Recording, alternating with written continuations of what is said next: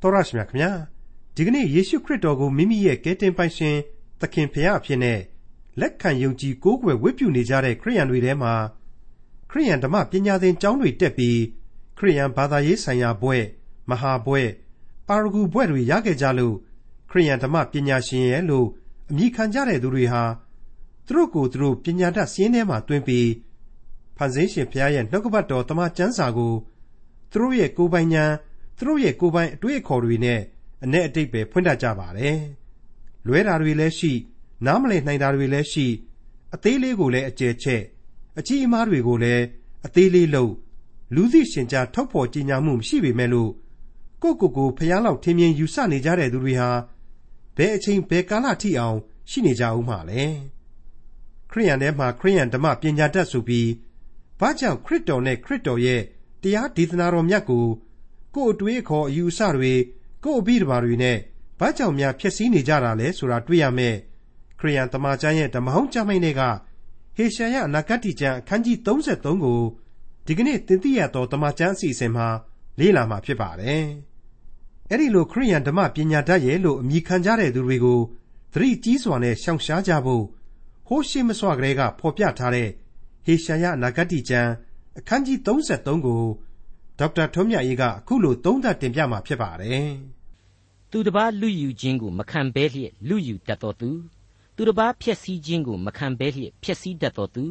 သင်သည်အမင်္ဂလာရှိ၏။သင်သည်မလူမယူဘဲနေသောအခါလူယူခြင်းကိုခံရမည်။ဖြည့်ဆည်း၍မောသောအခါပျက်စီးခြင်းသို့ရောက်လိမ့်မည်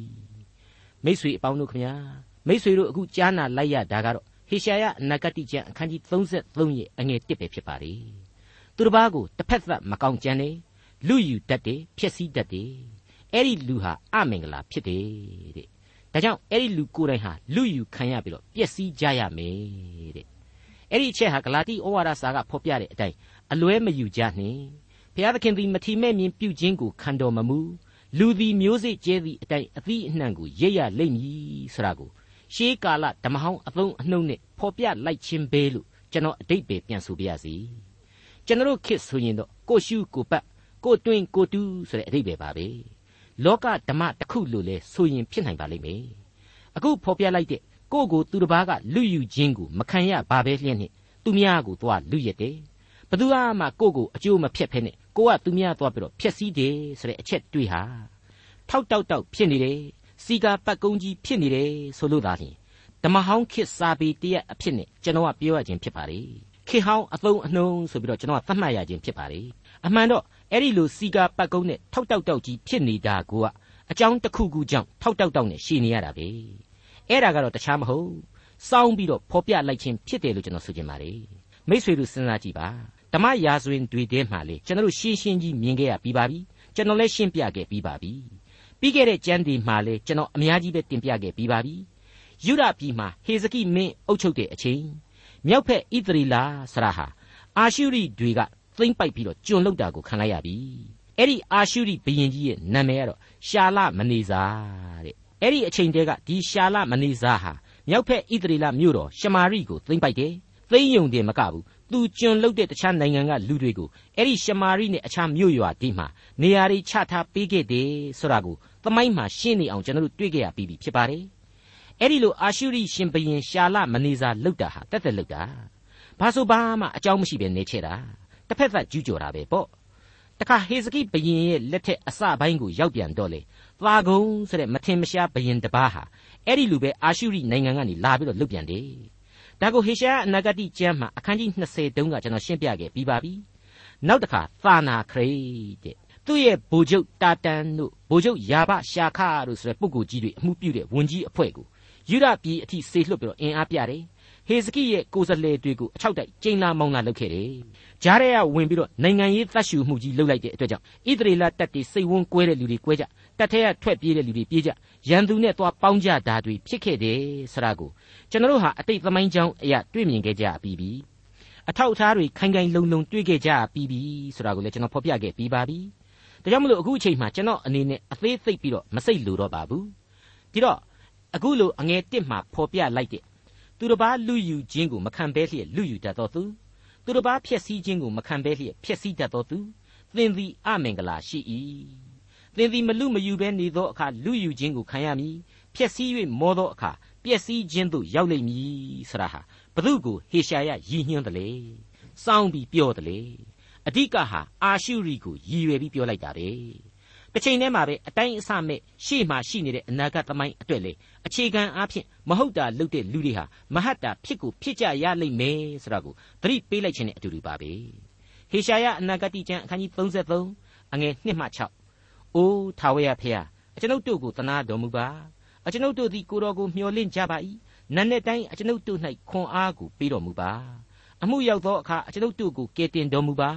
အလုံးအရင်ဤအသံကြောင့်လူစုတို့သည်ပြေးကြ၏ ထတော်မူသောအခါလူမျိုးတို့သည်အရရက်ကွဲပြားကြ၏သူတစ်ပါးတို့သည်သင်တို့၏ဥစ္စာကိုကြိုင်းကောင်သိမ့်ယူတကဲ့သို့သိမ့်ယူကြလိမ့်မည်ကြိုင်းကောင်တို့သည်လူလာပြေးတကဲ့သို့သင်တို့ဥစ္စာပေါ်မှလူလာပြေးကြလိမ့်မည်ထာဝရဘုရားသည်ချီးမြှောက်ခြင်းရှိတော်မူ၏မြင့်သောအရ၌နေတော်မူ၏ဒီအုံမျိုးကိုတရားသဖြင့်ဆုံးဖြတ်ခြင်းဖြောင့်မတ်စွာစီရင်ခြင်းနှင့်ပြည့်စေတော်မူ၏ဉာဏ်နှင့်ပညာသည်သင်၏လက်ထက်၌တည်ကြည်ခြင်းမြဲမြံစွာကယ်တင်ခြင်းကိုဖြစ်စေလိမ့်မည် ထာဝရဘုရားကိုကြောက်ရွံ့ခြင်းသဘောသည်လေသင်ဤဗန္တာဖြစ်လိမ့်မည်ဘယ်လိုပဲပြောပြောပါအာရှုရိတွေပျက်စီးမှပျက်စီးမှတကန်တာဒီအာရှုရိတွေဟာဘုရားသခင်အမျက်တော်ကိုလှန်တန်တွေတောင်ဝှေးတွေအဖြစ်ဆောင်ကျဉ်ထားတယ်တနည်းပြောရင်အဲ့ဒီမတရားတဲ့လူတွေကိုသုံးပြီးတော့မြောက်ဖက်ဣသရေလနဲ့တကွပတ်ဝန်းကျင်နိုင်ငံတွေကိုဘုရားသခင်ဟာအပြစ်ပေးတယ်ဆိုတာကိုဟေရှာယဟာပဲဖော်ပြခဲ့ပြီးလေဖြစ်ပါတယ်နော်ဟုတ်ပါတယ်အာရှုရိလူသည်အမင်္ဂလာရှိ၏ ငါအမျက်ဤလှန်တံဖြစ်၏သူကင်ဆောင်သောတောင်ဝှေးသည်လေငါဒံပေးเสียဘူးဖြစ်၏ဆိုတဲ့ဗျာဒိတ်ကိုအခန်းကြီး30အငယ်6မှာကလေးကကျွန်တော်တို့တွေ့ခဲ့ရပြီးပြီဒါကြောင့်မလို့ဟေရှာယပရောဖက်ကြီးဟာဘုရားသခင်ကိုသူ့လူမျိုးသူ့နိုင်ငံအတွက်အသနာခံတာပဲဖြစ်ပါတယ်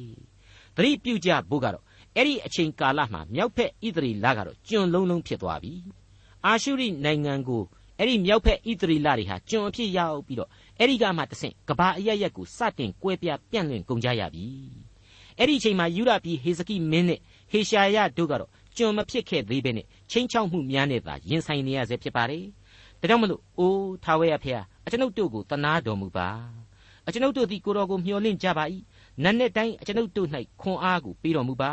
အမှုရောက်သောအခါအကျွန်ုပ်တို့ကိုကယ်တင်တော်မူပါတဲ့အဲ့ဒီလိုဆုတောင်းအသနာခံလိုက်ခြင်းပဲဖြစ်ပါတယ် ဒါကြောင့်မလို့အခုအနာဂတ်များဟာသူခေတ်နောက်ပိုင်းမှာဆက်လက်ပြီးတွေ့ရမယ်သမိုင်းဖြစ်စဉ်တို့ကိုရည်ညွှန်းဖော်ပြတယ်ကက္ကာလအချိန်ရေနိုင်ငံတော်တည်ထောင်မဲ့အချိန်ရေကိုပါဆက်လက်စောင့်ရမှာကလွဲလို့တခုမှမလွဲပါဘူးဣသရေလလူမျိုးတော်ဟာဘာဘူးလုံးယောမတူရကီဂျာမန်စတဲ့အင်အားကြီးနိုင်ငံကြီးများရဲ့တန်းကိုသမိုင်းနှစ်ပေါင်းထောင်ချီပြီးတော့အဆက်ဆက်ခံစားခဲ့ရတယ်။ကဘာမှာအပြန့်လွင့်ဆုံးသောလူမျိုးဖြစ်ခဲ့ရတယ်။ဒါပေမဲ့ဘယ်လို့မှမျိုးမပြုတ်နိုင်ဘဲနဲ့ ဘုရားသခင်ရဲ့ကျေးဇူးတော်တို့ကိုပြန်လဲခံစားရမည်ရှိတယ်ဆိုတာကိုကျွန်တော်တို့ဟာသမိုင်းအထောက်အထားတွေနဲ့ရှင်းနေအောင်တွေ့နေရပါတယ်။ဟေရှာယအနာဂတိကျမ်းအခန်းကြီး33အငယ်9မှ9သူရဲတို့သည်ပြင်၌အော်ဟစ်ကြ၏မိသဟာယစကားကိုပြောသောတမန်တို့သည်ပြင်းစွာငိုကြွေးကြ၏လမ်းမတို့သည်စိတ်ညံကြ၏လမ်းခရီး၌သွာလာသောသူမရှိထိုမင်းသည်တစ္ဆာပြက်လေပြီ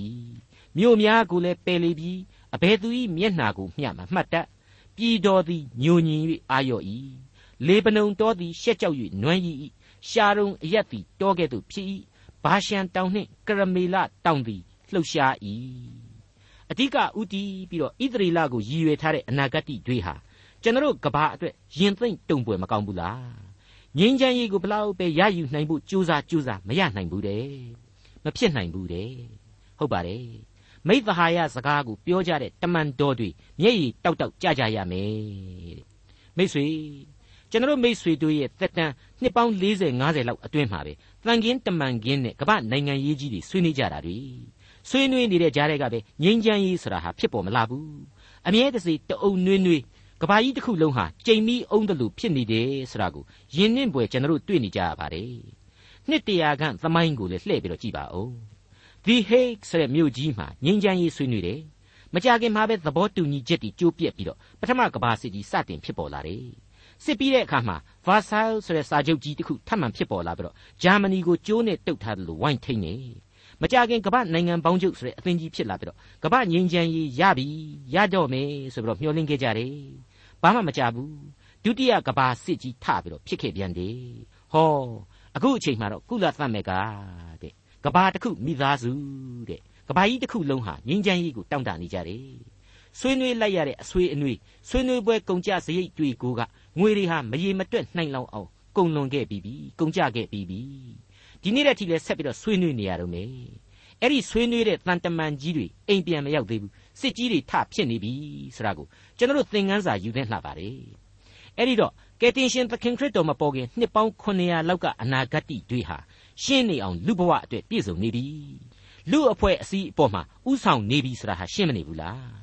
အသေးစားဖြစ်စဉ်ကလေးတွေဟာပြည့်စုံခြင်းကိုတက်တည်ပြနေတယ်အကြီးစားပြည့်စုံမှုကြီးတွေဟာအနာဂတ်မှာကြံ့ကျွင့်နေသေးတယ်ဆိုတာကိုမိမောင်းထိုးပြသနေတယ်လို့ကျွန်တော်ဆိုချင်ပါတယ်ဟေရှာယအနာဂတ်ကျမ်းအခန်းကြီး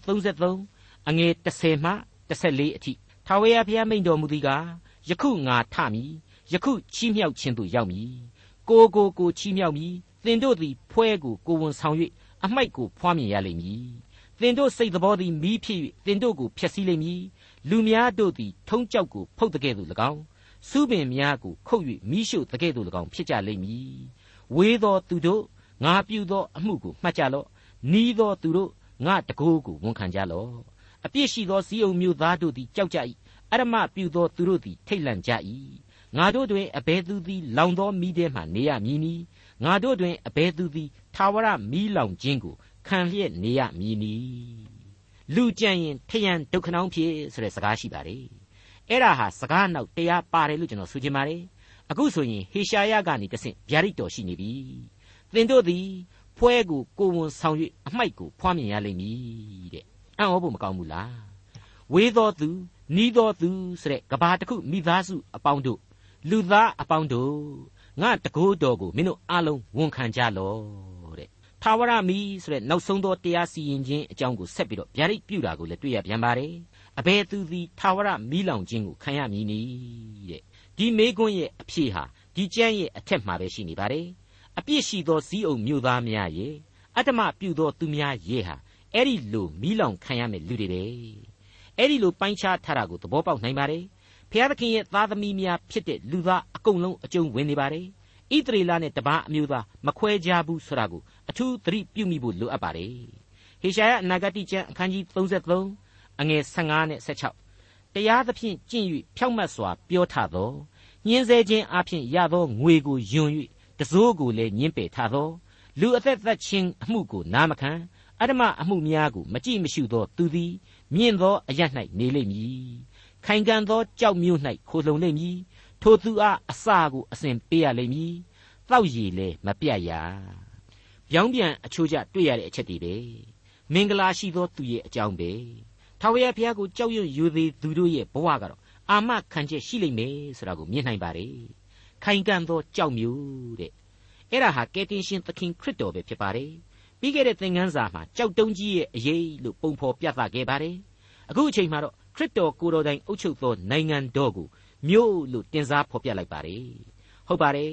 ခရစ်တော်ဒီဟုသောကြောက်နှင့်အသက်အာဟာရဟာအစဉ်တစိုက်ဆက်ဆက်နေပါတယ်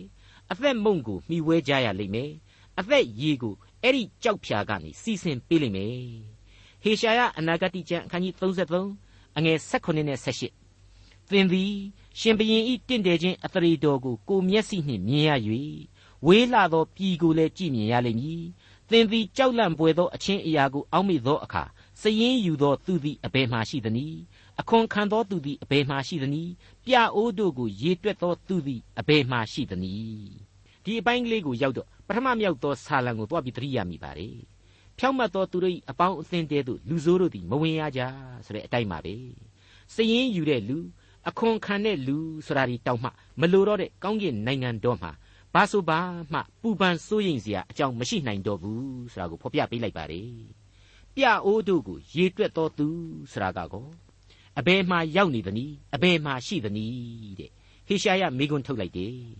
အဲ့ဒါဟာတခြားမဟုတ်ဘူးပြအိုးဆိုတာဟာရေရိုက်တွေပေါ်မှာတီးတဲ့ကင်းစခန်းကြီးတွေကိုပြောတာပါတနည်းပြောရရင်တော့တထိတ်ထိတ်တလန့်လန့်နဲ့ဖြစ်နေရတဲ့အခြေအနေမှာကင်းစခန်းတွေကိုလိုက်ပြီးတော့ကင်းစေရတာမျိုးတစ်ချိန်လုံးလက်နဲ့နဲ့လာလာပြီးတော့ရန်ကားတဲ့အတွက်ကြောင့် သတိအနေအထားနဲ့ရန်သူကိုစောင့်ကြကြည့်ရှုနေရတာမျိုးတွေအရှင်အဲ့ဒီအချိန်ကာလမှာမလိုတော့ဘူးဆိုတာကိုတင်စားဖော်ပြပေးလိုက်ခြင်းဖြစ်ပါတယ်မိတ်ဆွေအခုအထိကတော့ကဘာတစ်ခုမိသားစုဆိုပြီးတော့ကြွေးကြော်နေကြတဲ့ကျွန်တော်တို့ကဘာမှာကျွန်တော်သိသည်အင်္ဂလိပ်နဲ့အမေရိကန်အမြဲချစ်ကြည်နေမယ်လို့အာမမခံနိုင်ဘူးဘလောက်ချစ်ကြည်ရင်းနှီးပါတယ်လို့ဒီကနေ့ပြောပြောနေပြီမြနောက်တနေ့မှတူတူခါခါမုန်းတီးနိုင်တယ်နိုင်ငံတိုင်းဟာတကြောင်မို့လဲပြအိုးတွေကင်းတဲ့တွေကိုရေတွက်နေကြရတယ် အလျှော့မခံနိုင်ဘူးအယော့မခံနိုင်ဘူးနိုင်ငံတော်ကာကွယ်ရေးအသုံးစရိတ်ဆရာဟာတိုင်းပြည်တိုင်းကိုဖိစီးနေပါတယ်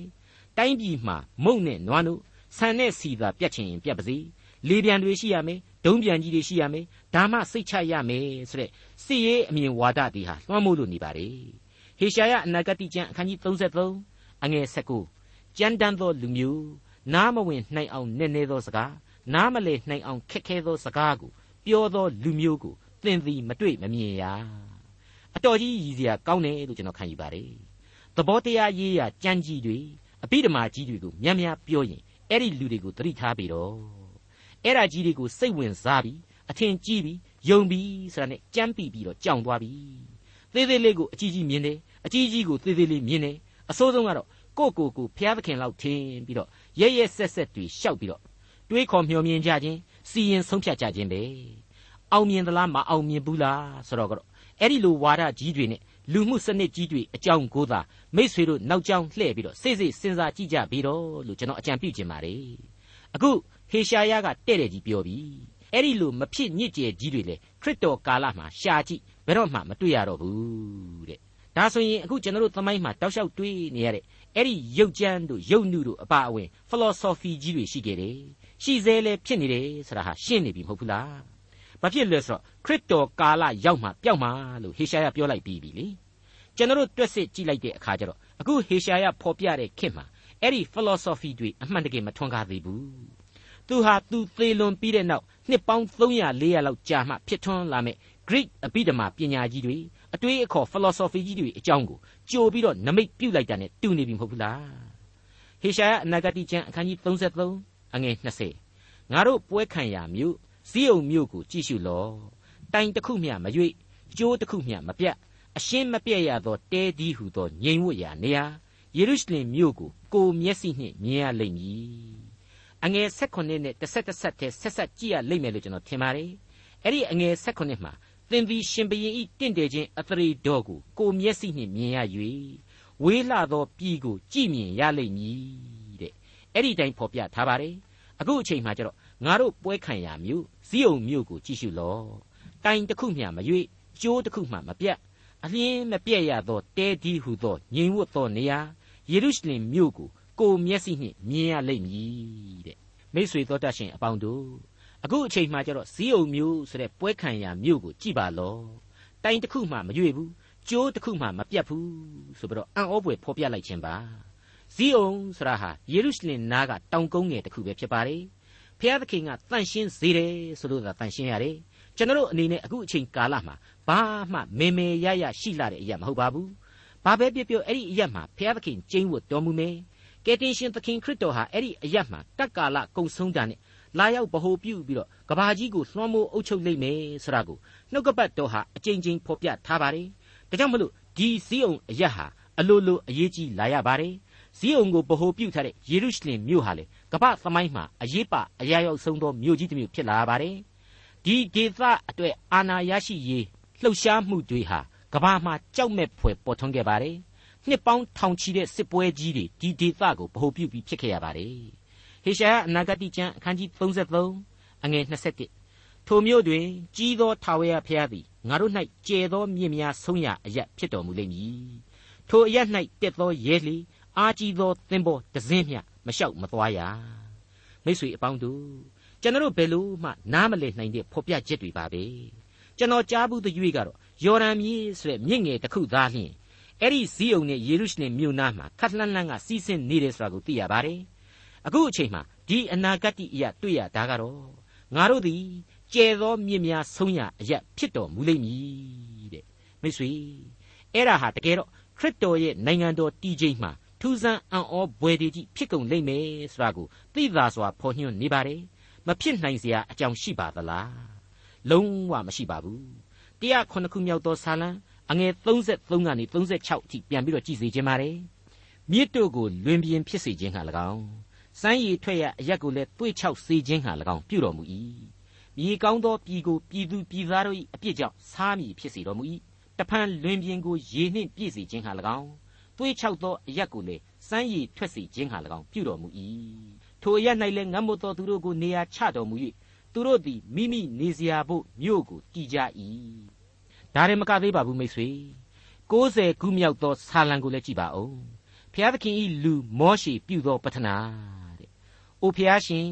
ကိုတော်သည်ကာလအစဉ်အဆက်အကျွန်ုပ်တို့ခိုးလုံရာဖြစ်တော်မူ၏။တောင်များကိုမဖော်မြေကြီးနှင့်လောကရက်ကိုဖန်ဆင်းတော်မမူမီ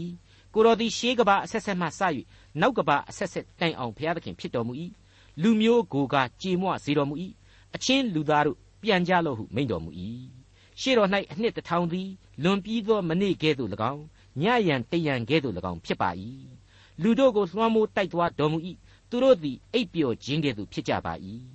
လူသည်မြက်ပင်ကဲ့သို့နက်နဲ့အချိန်၌တိုးပွားတတ်ပါ၏နက်နဲ့အချိန်၌ကပွင့်လန်း၍တိုးပွားပါ၏ ညဦးအချိန်၌ကရိပ်၍ညှိုးနွမ်းပါ၏အမျက်တော်ထွက်သောအဖြစ်အကျွန်ုပ်တို့သည်ပျက်စီးခြင်းသို့ရောက်ရကြပါ၏စိတ်တော်မပြေသောကြောင့်စိုးရိမ်တုန်လှုပ်ခြင်းရှိကြပါ၏အကျွန်ုပ်တို့၏ဒုစရိုက်များကိုရှေ့တော်၌၎င်းဝှက်ထားသောအကျင့်များကိုမျက်နာတော်အလင်းတဲ၌၎င်းလှန်ထားတော်မူ၏တဲ့အဲ့တော့ဒီဘုံတော်ရှင်ကိုကျွန်တော်တို့ဘယ်လိုလုပ်ပြီးလွန်ဆန်လို့ရမှာလဲသူ့ရဲ့စီရင်တော်မူခြင်းတွေဆရာဟာလေမဖြစ်နိုင်တာတခုမှမရှိဘူး ထိုမြို့တွင်ဘုံကြီးသောထာဝရဘုရားသည်ငါတို့၌ကျဲသောမြစ်များဆုံးရအရဖြစ်တော်မူလိမ့်မည်ထိုအရ၌တက်သောရဲလီအာကြီးသောသင်္ဘောတစင်းမျှမလျှောက်မသွားရတဲ့ရှင်းနေပါပြီလွင်ပြင်ကိုရေနှင့်ပြည့်စေနိုင်တယ်သွေးချောက်သောအရက်ကိုစမ်းရည်ထွက်စေနိုင်တယ်ဆိုတာကိုတွေ့ရတယ်ဒါဟာတကယ်တော့ဟေရှာယမတိုင်ခင်နှစ်ပေါင်းများစွာကတည်းကတည်ရှိတော်မူခဲ့တဲ့အနာဂတ်တွေပဲဖြစ်ပါတယ်ဣသရေလခေါင်းဆောင်ကြီး မောရှေစီရင်ရေးသားခဲ့တဲ့အနာဂတ်ပါဒါကြောင့်ဟေရှာယအနာဂတ်အပေါင်းတို့ဟာအတိတ်ပြစ္ဆုတ်ပံအနာဂတ်အကုန်လုံးနဲ့ဆက်ဆက်တည်ရှိနေတဲ့အနာဂတ်တွေအတိုင်းအဆမရှိပြည့်စုံကိုပြည့်စုံရမယ်အနာဂတ်များတာဖြစ်တဲ့အကြောင်းလေးစားစွာတင်ပြလိုက်ပါရစေဟေရှာယအနာဂတ်ကျမ်းအခန်းကြီး33အငယ်22အကြောင်းမူကားထာဝရဘုရားသည်ငါတို့၏တရားသူကြီးဖြစ်တော်မူ၏ထာဝရဘုရားသည်ငါတို့၏ပြည့်ညတ်တရားရှင်ဖြစ်တော်မူ၏ ထာဝရဘုရားသည်ငါတို့၏ရှင်ဘရင်ဖြစ်၍ငါတို့ကိုကယ်တင်တော်မူလိမ့်မည်ငါတို့ဤပြည့်ညတ်တရားရှင်ဆရာဟာသတိပြုရမယ့်အချက်ဖြစ်ပါတယ်ပြည်သူတရားရှင်မဟုတ်ပါဘူးနော်ပြည့်ညတ်တရားရှင်ဖြစ်ပါတယ်ပြည့်ညတ်တော်များအဖြစ်ဣသရေလလူအဖွဲ့အစည်းကိုချုပ်ထိန်ထားခဲ့တယ်ဣသရေလမှသည်လူလောကစီအထိဒီပြည့်ညတ်တော်ဟာကယ်တင်ခြင်းတရားကိုအသိပေးကြီးညာပေးခဲ့ခြင်းဖြစ်တယ်ဆိုတာကိုကျွန်တော်အားလုံးအမှတ်ရဖို့လိုပါတယ်သဘောပေါက်ဖို့လိုပါတယ် အဲ့ဒီကယ်တင်ခြင်းတရားနဲ့ကျေးဇူးဂရုနာတော်ရဲ့အရှင်ဖြစ်တော်မူတဲ့ဘုရားသခင်ဟာငါတို့ကိုကယ်တင်လိမ့်မယ်ဆိုတာကိုဟေရှာယမှတဆင့်ဗျာဒိတ်ပြုလိုက်ခြင်းဖြစ်ပါတယ်အကြောင်းမူကားထာဝရဘုရားသည်ငါတို့၏တရားသူကြီးဖြစ်တော်မူ၏ထာဝရဘုရားသည်ငါတို့၏ပြည့်ညတ်တရားရှင်ဖြစ်တော်မူ၏ထာဝရဘုရားသည်ငါတို့၏ရှင်ဘရင်ဖြစ်၍ငါတို့ကိုကယ်တင်တော်မူလိမ့်မည်မိတ်ဆွေဒီလောက်အထိခိုင်မာစွာဂရိပေးထားခဲ့တဲ့အဖဖျားသခင်ရဲ့ကျေးဇူးနဲ့ဂရုနာတော်ကို ကျွန်တော်တို့ထာဝစဉ်ချီးမွမ်းထော်မနာပြုကြပါစို့ထာဝရဘုရားရဲ့ဘုန်းတော်နဲ့နာမတော်ကိုအစဉ်တစိုက်ချီးမွမ်းထောမနာပြုကြပါစို့ဟေရှာယအနာဂတိကျမ်းအခန်းကြီး33အငယ်23နဲ့24သင်ဤသင်ပေါ်ရွက်ကျိုးများပြုတ်လျက်ရှိ၏ရွက်တိုင်တို့ကိုခိုင်ကန့်စွာမချီရွက်ကိုလည်းမဖြန့်နိုင်တို့ဖြစ်၍များစွာသောဥစ္စာကိုလူယူဝေငှရ၏ခြေဆွန့်သောသူပင်လူယူရာဥစ္စာကိုလူယူရ၏ မြို့သားကလည်းငါနာသည်ဟုမဆိုရထိုကြောင့်မြို့၌နေသောသူတို့သည်အပြစ်ပြေရှင်းခြင်းသို့ရောက်ရကြလိမ့်မည်။ကျေပြန့်သောမြစ်များဆုံးရအရာဆိုပြီးတော့ဘုံကြီးသောဘုရားသခင်တည်ရှိရာအရက်ကိုဟေရှာယအနာဂတိပြုဖော်ပြပေးခဲ့ပါတယ်။အဲ့ဒီမှာပဲတပါးတည်းဆက်ပြီးတော့ထိုအရက်သို့တက်သောသင်္ဘောတစ်စင်းမျှရှောက်မသွားရလို့လည်းဆိုထားခဲ့ပါတယ်။အခုအချိန်မှာတော့အဲ့ဒီခရီးဟာခရီးဆုံးပဲ။နောက်ထပ်ဘယ်ခရီးကိုမှဆက်เสียမလိုတော့ဘူး နောက်ထပ်အစဉ်စိုက်ဘဲမှခရီးပြုစရာမလိုတော့ဘူးသွားစရာမလိုတော့ဘူးဆိုတာကိုဆက်လက်ဖော်ပြပေးလိုက်ပါတယ်ဟုတ်ပါတယ်အဲ့ဒီအချိန်ဟာခရစ်တော်ရဲ့နိုင်ငံတော်တည်ထောင်ချိန်ပဲဖြစ်ပါတယ်ဒါကြောင့်မလို့ယုံကြည်သူအားလုံးတို့ဟာခရစ်တော်တည်ဟူသောရှင်ဘုရင်ဤတင့်တယ်ခြင်းအသရေတော်ကိုကိုမျက်စိနဲ့မြင်ရလိမ့်မယ်ဝေးလှသောပြည်ကြီးဟူသောကောင်းကင်နိုင်ငံတော်ကိုလည်းကြည်မြင်ကြရလိမ့်မယ်တရားသဖြင့်ကျင့်၍ဖြောက်မတ်စွာပြောထသောညှင်းဆဲခြင်းအပြင်ရသောငွေကိုယွန်၍ တစိုးကိုလည်းညှင်းပယ်ထားသောလူအသက်သက်ခြင်းအမှုကိုနားမခံအရမအမှုများကိုမကြည့်မရှုသောသူသည်မြင့်သောအရ၌နေလိမ့်မည်ခိုင်ခံ့သောကြောက်မြို့၌ခိုလှုံလိမ့်မည်ထိုသူအားအစာကိုအစဉ်ပေးလိမ့်မည်တောက်ရည်လည်းမပြတ်ရသင်သည်ရှင်ဘရင်ဤတင့်တယ်ခြင်းအသရေတော်ကိုကိုမျက်စိနှင့်မြင်ရ၍ဝေးလာသောပြည်ကိုလည်းကြည်မြင်ရလိမ့်မည်ဆိုပြီးတော့ဟေရှာယပရောဖက်ကြီးမှတဆင့်ဘုရားသခင်ဗျာဒိတ်ပေးထားခဲ့ပြီမဟုတ်ဘူးလားမှန်ပါတယ် အဲ့ဒီအချိန်ကာလမှာဝေဒနာဆင်းရဲခြင်းဆိုတာမရှိနိုင်တော့ပါဘူးဘာဖြစ်လို့လဲဆိုတော့အပြစ်တရားဟာအပိတိုင်ချုပ်ငိမ့်သွားတဲ့ကောင်းကင်နိုင်ငံတော်တည်ထောင်ခြင်းမှုလို့ပါဒါကြောင့်မလို့ကျွန်တော်တို့ဟာပရောဖက်ကြီးဟေရှာယနဲ့အတူဆုတောင်းခြင်းပြုကြပါစို့။အိုးထာဝရဖေဟာအကျွန်ုပ်တို့ကိုသနာတော်မူပါ။အကျွန်ုပ်တို့သည်ကိုတော်ကိုမျှော်လင့်ကြပါ၏။နန်းနဲ့တိုင်းအကျွန်ုပ်တို့၌ခွန်အားကိုပေးတော်မူပါ။အမှုရောက်သောအခါအကျွန်ုပ်တို့ကိုကယ်တင်တော်မူပါ။ ဒေါက်တာထွန်းမြတ်၏စီစဉ်တင်ဆက်တဲ့တင်ပြတော်တမချန်းအစီအစဉ်ဖြစ်ပါတယ်။နောက်တစ်ချိန်အစီအစဉ်မှာခရိယန်တမချန်းရဲ့ဓမ္မဟောင်းကျမ်းပိုင်းတွေကဟေရှာယနဂတိကျမ်းအခန်းကြီး34နဲ့အခန်းကြီး35တို့ကိုလေ့လာမှာဖြစ်တဲ့အတွက်စောင့်မျှော်နားဆင်နိုင်ပါတယ်။